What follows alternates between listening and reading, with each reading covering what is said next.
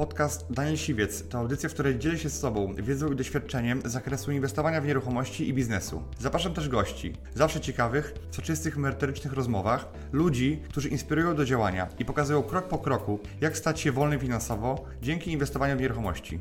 Posłuchaj ich historii, zastosuj modele działania, wykorzystuj narzędzia i uzyskuj podobne rezultaty.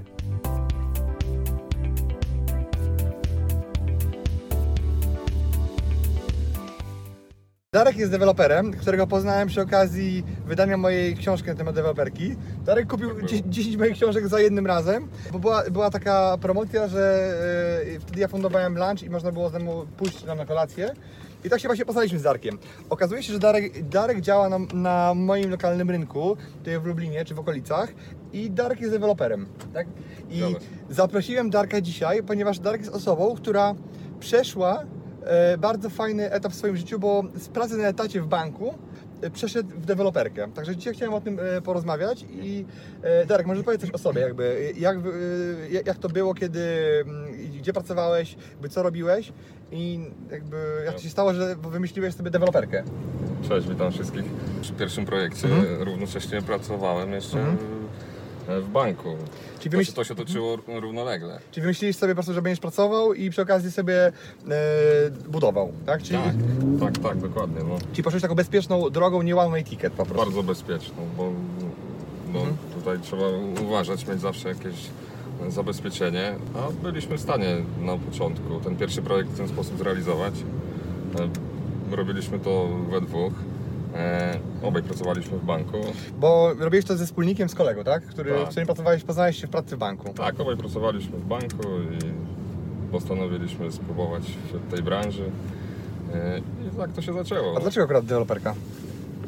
No, mieliśmy mm, parę rzeczy pod to już y, podszykowanych. No, była działka tak naprawdę. Mhm. Ja, ja miałem działkę. Dawno temu kupioną działkę.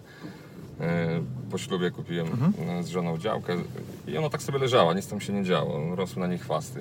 Mhm. Mało perspektywiczna, mało atrakcyjna, wokół mało zabudowy, no ale położona na terenie, gdzie Mhm. można było budować. I byłem też dodatkowo ja po, po budowie swojego domu.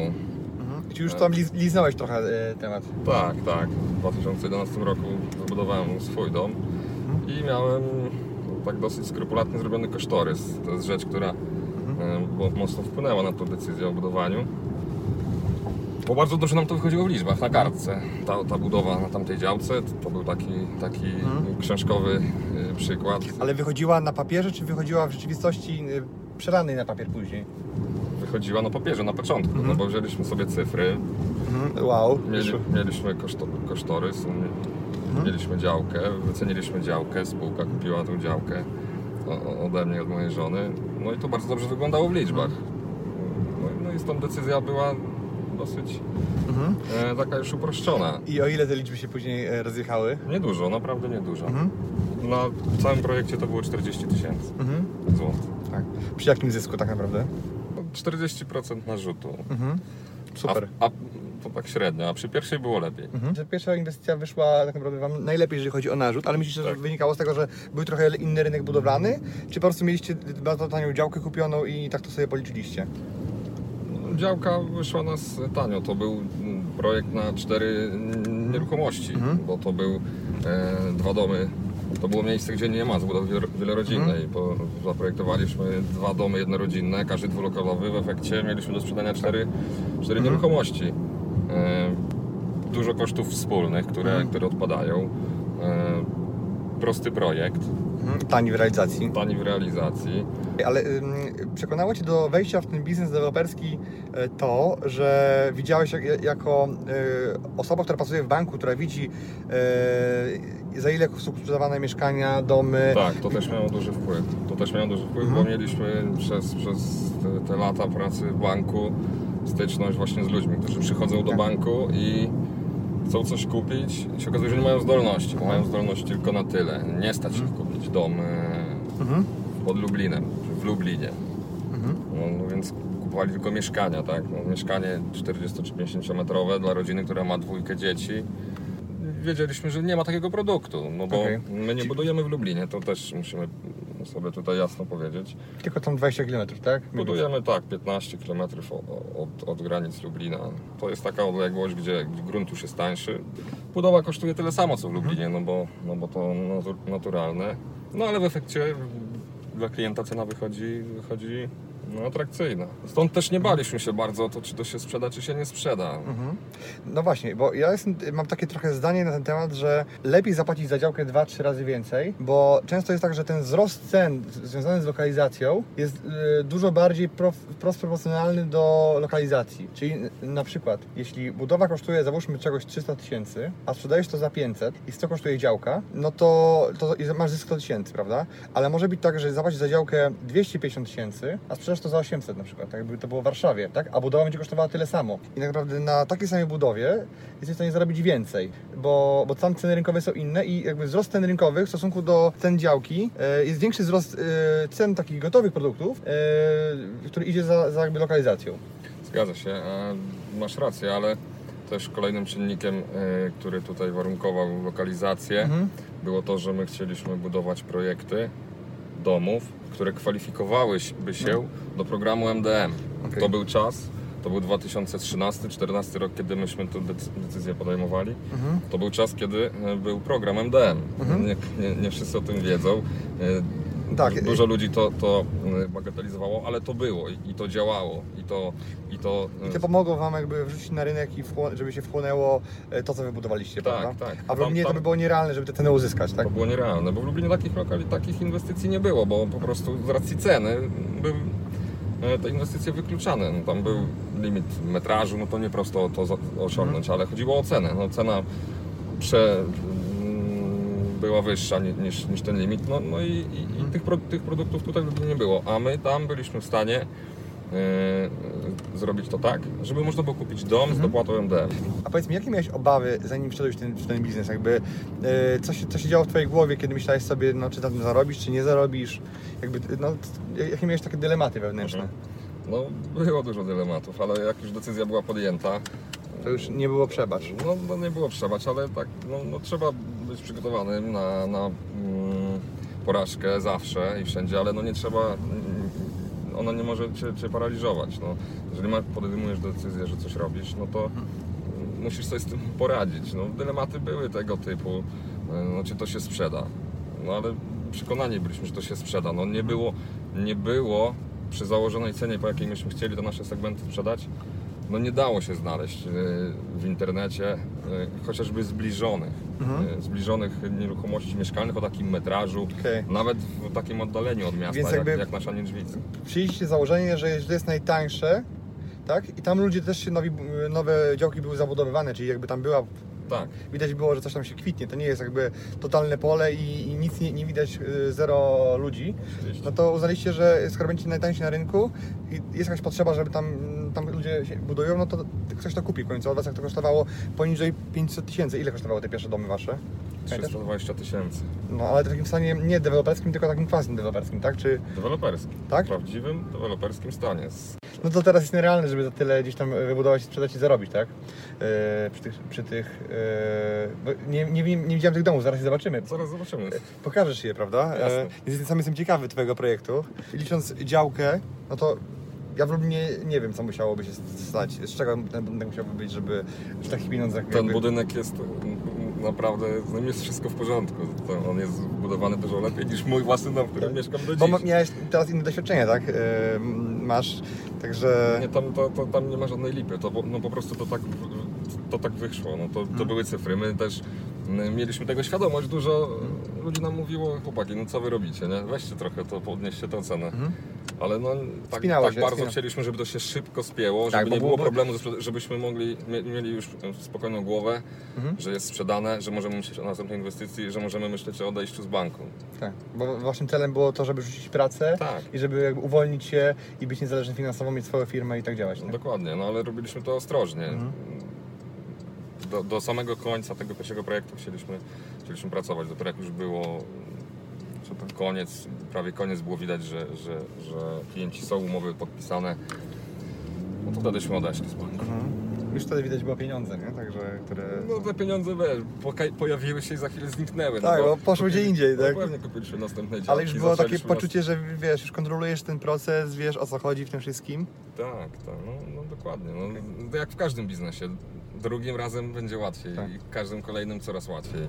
No tak jak każdy na początku, y, myśląc o biznesie jakimkolwiek, a, a takim pewnie tym bardziej, no ma dylemat, y, skąd tu wziąć pieniądze, tak? No bo to musisz jakoś spiąć. Jak nie masz y, finansowania, no to, no to jakoś to musi, przynajmniej musisz zacząć. Musisz mieć działkę, projekt, pozwolenie, coś musisz zacząć, żeby, żeby czy to potem uderzyć po kredyt, czy, czy żeby się pojawili klienci i zaczęli to finansować. No i jednym z rozwiązań jest y, połączyć tak. siły, tak? I ryzyko też jest mniejsze. Ja pamiętam, jak zakładałem pierwszą firmę, to bałem się strasznie robić tego sam. Też byłem na takim etapie, że no nie wiedziałem, co, co jest za rogiem i czy będzie mnie na to stać, żeby odprowadzić, czy będą zyski. Yy, I chciałem to zrobić ze wspólnikiem. Dokładnie. I doga- tak, dogadałem wspólnika, a i, i przed dzień podpisania umowy spółki się wycofał. Tak? Z tej perspektywy na szczęście się wycofał, bo to nie zmieniło moich planów. Powiedziałem, już zaszedłem tak daleko, że już muszę tylko przejść dalej w to sam. I okazało się, że on wcale nie, nie był mi e, tam potrzebny w tym biznesie.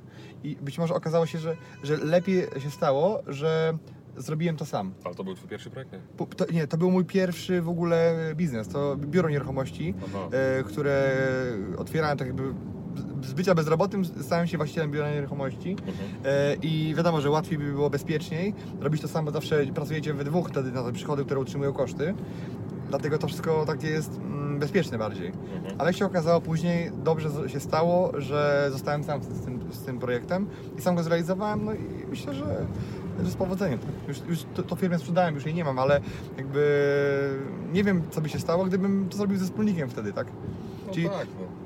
Ja, tak, jedyne co bym radził tutaj osobom, które nas oglądają ze spółkami, to, to jeśli chcecie się z kimś wiązać, jak umowami spółki czy jakkolwiek, to sprawdźcie się na razie na małych kwotach, na małych dealach, na mikrodealach, i zanim wejdziecie od razu w duże projekty. Bo mi się tak zdarzyło raz, że miałem e, takiego partnera, wspólnika, z którym właśnie się sprawdziłem, zrobiłem jeden mały projekcik i się okazało, że totalnie mentalnościowo nie, nie pasujemy do siebie Mhm. e, i po prostu w ogóle rozstaliśmy się, e, bo wiedzieliśmy, że dalej nasza głowa idzie w innym kierunku, tak? No tak, ale to trzeba z góry założyć, to nie jest umowa na całe życie. Tak. To, to trzeba mieć świadomość, że to jest na pewien czas. Żadna spółka nie przetrwa wieki, tak? Tak. To, no, trzeba pewne rzeczy zrobić razem, a potem się samodzielnić, rozstać. Tak. To jest naturalne, a ja polecam każdemu, kto obawia się z powodów takich e, decyzyjnych czy braku Mhm. gotówki, polecam spółkę z kimś, bo znacznie łatwiej się podejmuje decyzje. Jest,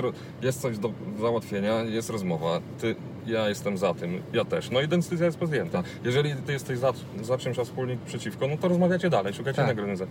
A samemu nieraz człowiek by się zastanawiał, zrobić czy nie zrobić. A czasem nie ma po prostu z kim pogadać, z kim przegadać sprawę, bo mm, czasem po prostu, nawet jak rozmawiasz, to sam myśl, zastanawiasz się w tym czasie, jaka jest odpowiedź. I jak nie masz z kim pogadać, to naprawdę ciężko, to musiałbyś mieć coacha, który wyciągnie z ciebie tę odpowiedź, bo być może odpowiedź jakby znasz, Jest, tak? tak, jest na wierzchu i całkiem blisko. A jak Tak. rozmawiasz we dwóch, ty po, przedstawisz swój punkt widzenia, druga osoba swój i one są takie same, no to masz potwierdzenie, że no Tak, chyba okej, tak. tak. I nie ma co więcej nad tym się zastanawiać, tylko, tylko działać. Także na początku jak najbardziej. Żaden z nas nie zrealizowałby tego samodzielnie, Mhm. a wspólnie zaczęliśmy. w sensie brakowało Wam odwagi. A powiedz mi, bo jak się spotkaliśmy, to mówiliśmy mi o tym, że u Was była taka, taka podział ról, że jedną inwestycję swój wspólnik zajmował się papierami, a drugą ty ty budował, a później odwrotnie. Jak to, jak to, jak to było dokładnie?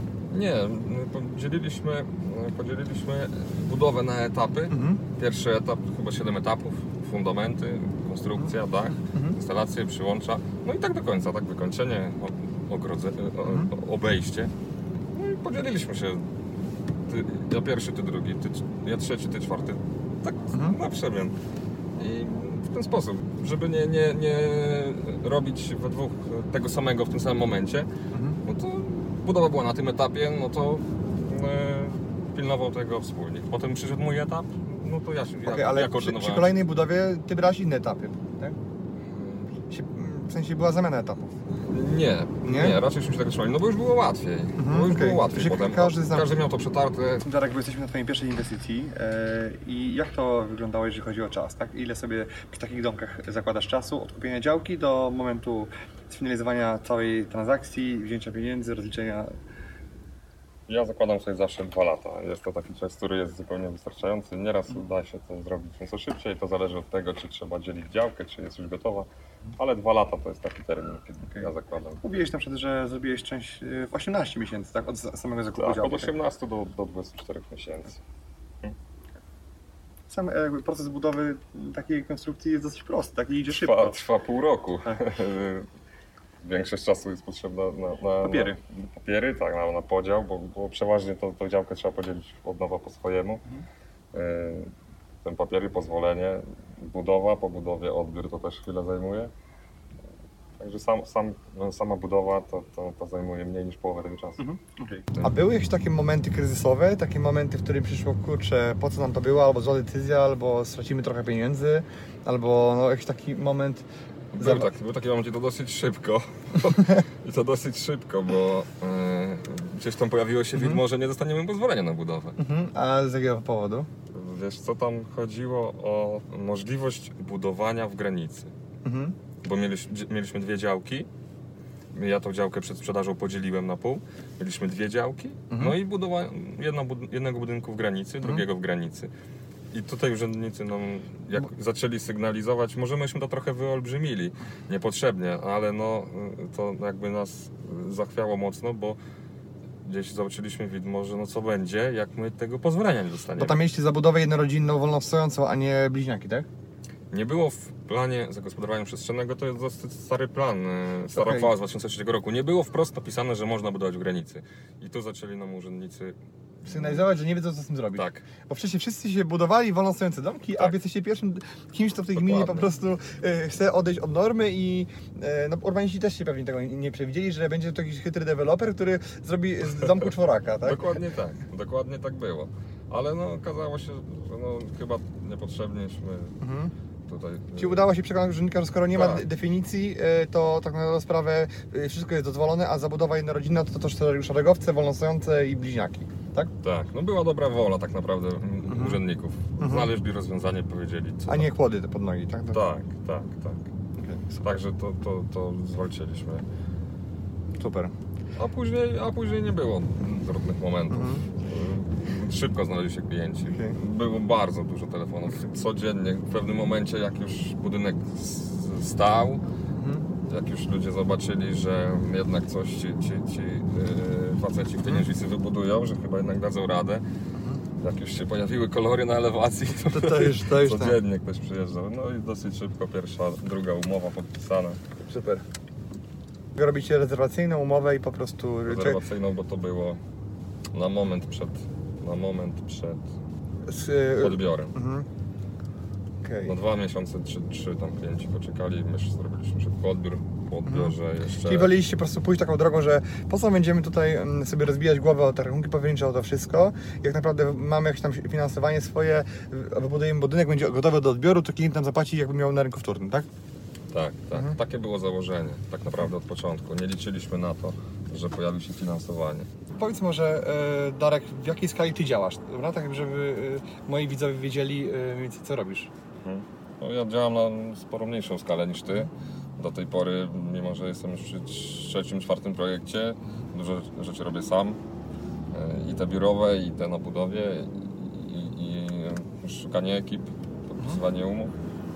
E, no, chciałbym to trochę e, zmienić na, na przyszłym sezonie, żeby mieć kogoś, kto by tutaj mnie odciążył, ale no, do tej pory tak to wygląda, że, że sporo rzeczy robię sam. A jak, y, jak powiedz było u Ciebie przy, przy pierwszych projektach deweloperskich? Czy to od razu była taka, taka e, rozbudowana jakaś struktura jak, jak Zorganizowana, zorganizowana akcja. Tak, czy, czy to wyglądało, czy wyglądało to podobnie jak e, u mnie? Wiesz co, u mnie wyglądało to w ten sposób, że e, ja już wtedy byłem na jakimś etapie biznesowym i już jakby znałem taką zasadę, że nie robię niczego, co jest więcej warte niż mój czas. I wiedziałem, że no, żeby ten biznes rozwijać, muszę go delegować. Więc jakby zacząłem już od tego, że e, pierwszy projekt zrobiłem e, razem z moim e, takim pracownikiem, który wcześniej u mnie koordynował remonty flipowe. Czyli jakby miałem do niego duże zaufanie i też jakby wiedziałem, że zna się na, na remontach i na tym wszystkim. Wiadomo, deweloperki się dopiero uczył. E, Ja jakby zrobiłem przy pomocy właśnie te- tego pracownika, gdzie konsul- konsultował większość rzeczy ze mną, tak jakby, tak? I ja od razu wiedziałem, że mnie jakby budowa nie kręciła sama w sobie, żeby być na, na tej budowie, obrócić sobie tam nogi i e, no i generalnie rozwiązać te problemy, tak? To mnie nie interesowało, bardziej mnie interesowały kwestie biznesowe, a nie kwestie techniczne tam, tak? Dlatego ja się mocno w budowę nie angażuję. Angażuję się po prostu na tyle, ile muszę. Mhm. Czyli można powiedzieć, że inaczej niż ja do deweloperskiego biznesu wszedłeś z biznesu. Tak, dlatego ja wiedziałem, że ja nie chciałem wejść w budowlankę z biznesu, więc ja wolałem, ja chciałem zrobić z tego biznes. E, a u Ciebie tak, to jest takie pe- pewne optimum, tak jak ja widzę, że e, w pewnym sensie jest, masz jakąś tam skalę, która, której nie musisz bardzo zwiększać, ale z kolei jest na, na, e, nie jest jakaś mała, żeby się nie opłacało z tym wchodzić, tak? Tak, tak. Troszkę to jeszcze muszę to do, dopracować, żeby e, rocznie tam sprzedać cztery domy powiedzmy, ale nie chciałbym tego rozwijać do dużo większej skali. E, Bo tak ale, przy, ale, przy, ale przy ta, tak, nie potrzebuję, ale przy takiej już no, potrzebny będzie ktoś, kto tutaj trochę pomoże. Także tak, tak to wygląda. Czasem jest tak, że może i nie jest potrzebny, że sobie sam dajesz radę, ale z drugiej strony... Za dużo obowiązków. i- Tak, jeśli dla Ciebie wartościowe jest zrobienie czegoś innego tak, i, i, i spokojnie spinać się, żeby z części zysków opłacić pracownika, no to czasem nie, nie warto jest tego robić samemu, tak? Dokładnie. Dobra. Darek, to dziękuję Ci w takim razie za to spotkanie, e, za to, że jakby podzieliłeś się z tym, jak Ty zaczynałeś, bo myślę, że wiele osób e, to interesuje, bo też myślę o tym, żeby wejść w ten biznes. Także dzięki wielkie i trzymaj się. Dzięki również. Dziękuję Ci, że wysłuchałeś do końca.